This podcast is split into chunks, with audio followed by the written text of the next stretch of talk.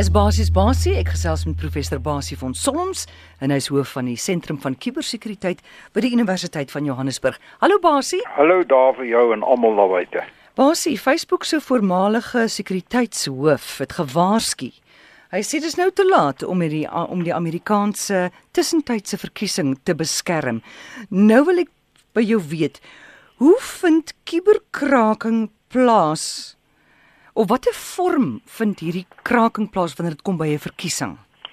Ek dink dit is 'n belangrike vraag want want jy weet ons gaan volgende jaar self in 'n baie groot verkiesing in en daar daar's baie emosie rondom ons eie verkiesing en daar kan so baie dinge gebeur rondom die verkiesing. Maar kom ons kyk na die twee maniere waarop wat wat nou gedokumenteer is. Uh, die eerste manier is om dit op 'n tegniese manier te doen dat jy byvoorbeeld jy gaan kraak die rekenaarstelsel van die nasionale verkiesingskommissie. Ons het ook so een in Suid-Afrika.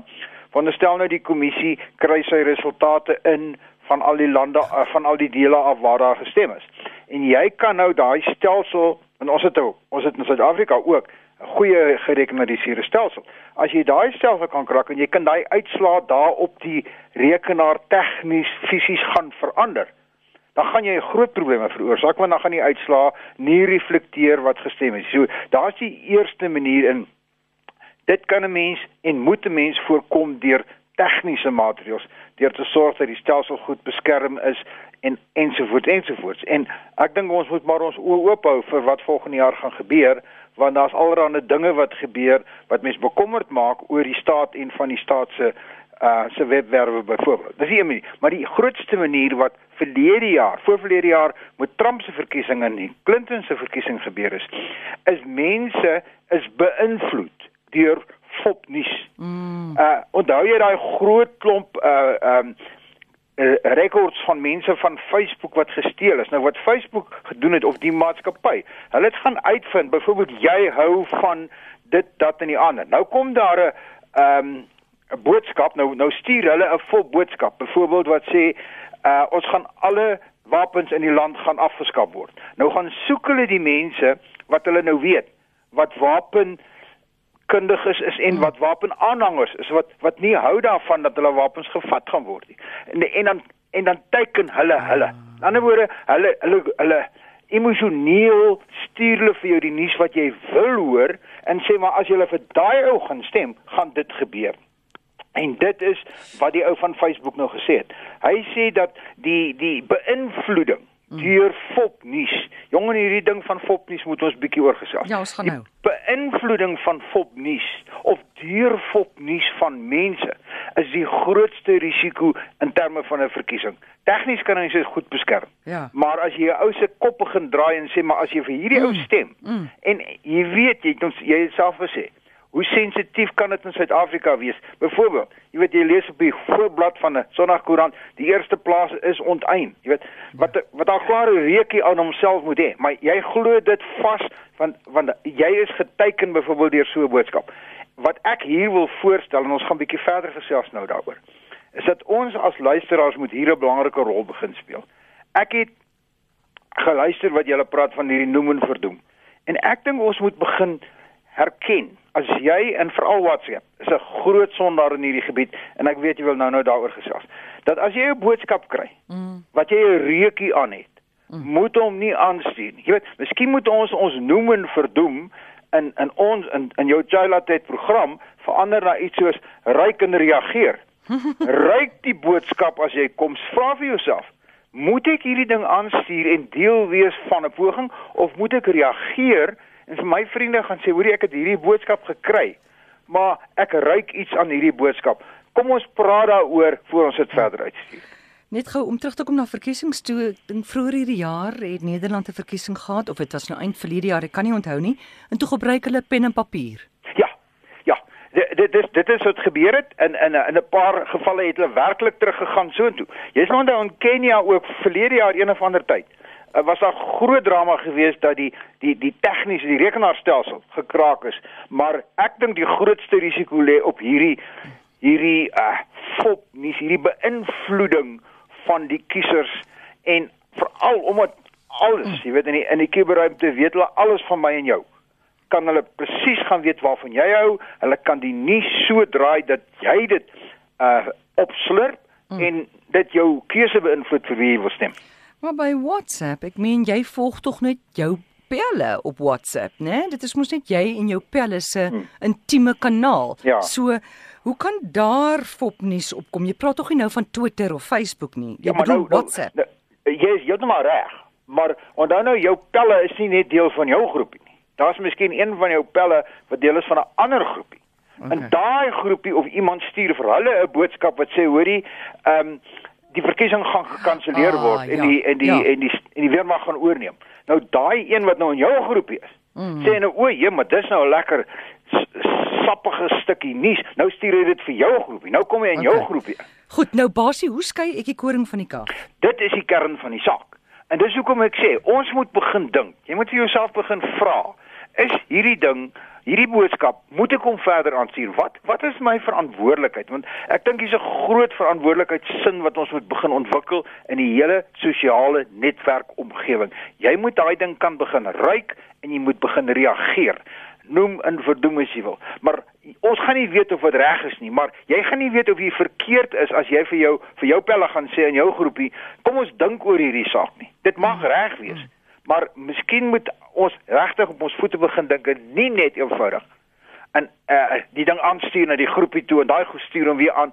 En dit is net eenvoudig jy doen dit outomaties soos wat as jy 'n ding tweet en baie mense retweet hy, hy lees hom nie eens behoorlik nie dan retweet hy hom.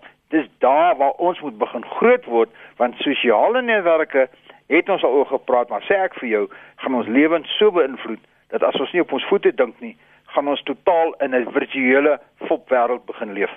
Ja, mense raak hysteries, nê, op fop van fopnuus. Dis die hele punt, dit raak emosioneel en mense pleeg moord, soos wat jy ja. soos wat Ja, in Indië het hulle 20 mense al vermoor as gevolg van fopnuus.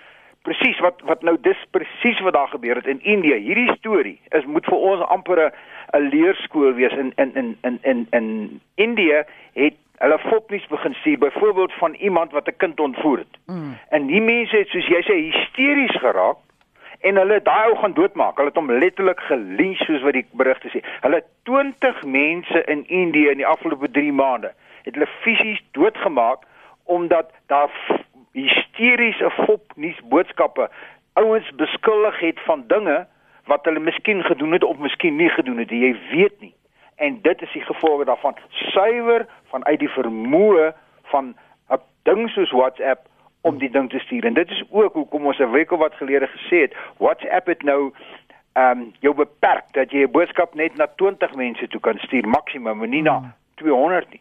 Maar as daai 20 mense van jou ja, dit ja. weer vir 20 mense stuur dat jy in 'n geval terugwy was. Goed nou watter werk iets anders nou ek wil weet watter werk doen Suid-Afrika se kuberheid seker kubersekuriteitssentrum en hulle moet nou vir ons beskerm, maar ek verstaan hulle is nou self gekraak. Ja, hierdie saak maak my vreeslik emosioneel. Ek het al 'n paar keer daaroor gepraat en ek het al hard daaroor gepraat.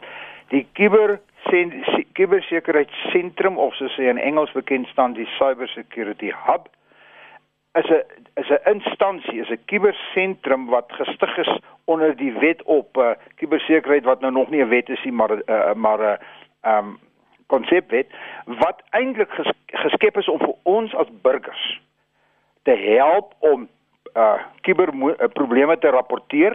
As jou geld gesteel is, moet jy dit daar te kan gaan rapporteer. As jou kind geboelie word, kan jy dit daar gaan rapporteer. As jy as jy of jou kind afgepers word omdat jy hulle verkeerde foto's gestuur het, behoort jy dit daar te kan gaan rapporteer en hulle behoort jou te help. Nou die ding is nou al amper 3 jaar lank wat hierdie kubersekuriteitssentrum aan die gang is. En ek kan jou amper 'n boek gee, nie een van die luisteraars wat nou uh, daar buite luister, het miskien al gehoor van die sentrum nie. Ja. En en dis die staat se poging om my en jou te help in die straat. Dis die staat se poging om kuberbewustheid onder kinders op nasionale vlak onder groot mense uit te rol. Daar gebeur net mooi niks. En nou, dag of wat gelede, daai kubersentrum wat my en jou veronderstel is om te help en te beskerm en raad en advies te gee, is hulle gekraak en daar was allerlei boodskappe op en hulle was totaal van die lig af gewees. Sjoe, maar dit is ook nou nie die die einde van die wêreld nie, want daar's die stomme Apple 2 weke gelede gekraak. O, dis niks snaaks nie. Ja. Dis dis maak nie maar jy sal onthou ons het nou al ook begin praat dat daar daar's 'n neiging hier in Suid-Afrika, né, mm. van die staatspresident af, Tony se webwerf. Nou die kiber uh kibersentrum wat ons moet help. Die departement van dit, die Suid-Afrikaanse Polisie diens. Afgelope paar jaar, daar's 'n neiging wat ek begin optel wat my ongelooflik bekommer. Basie is 'n oproep wat vir jou deurkom. Kom ons vat hom Charlotte, goeiemiddag. Amore, goeiemiddag en ook aan die professor. Meneer, ek het so tydjie terug 'n artikel gelees van professor Johannes Vroneman wat voorspel sosiale media in gevaar vir 2019 en ons praat nou juist van die verkiesings. Uh daar noem hy dat die tydens die Russiese inmenging van die laaste Amerikaanse uh, presidentsverkiesing het uh, Microsoft self erken hmm. dat nou openlik dat daar uh probleme was uh, tydens die verkiesing.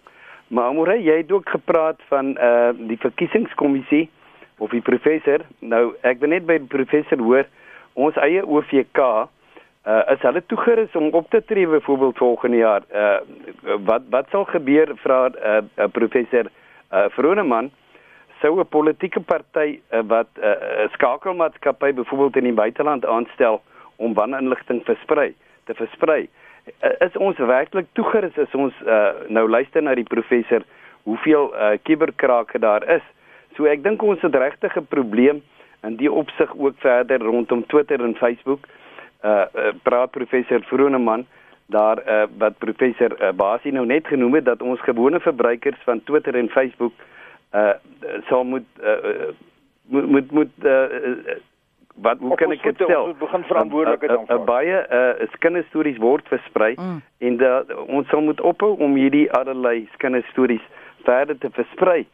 Ek dink uh die die die uh blokkeermeganismes is uh, is die probleem. En as die professor vir ons dalk net kan uh, verklaar is daar blokkeermeganismes wat ingebou kan word om dit te verhoed. Baie dankie. Goed, dankie vir die oproep. Basie? Ja, kyk, eh, eerstens wil ek terugkom na na die uh, luisteraar en ek moet sê ek dink ek en hy is op dieselfde frekwensie, dieselfde bekommernis vlak van hierdie goed. Uh, oor ons eie OVK, onafhanklike verkiesingskommissie, ons kom daarom nou al 'n hele paar jaar met verkiesings en daar was nog nie groot probleme gewees wat ons van weet nie, né? So ek het ek het vertroue in die onafhanklike verkiesingskommissie se rekenaarstelsels.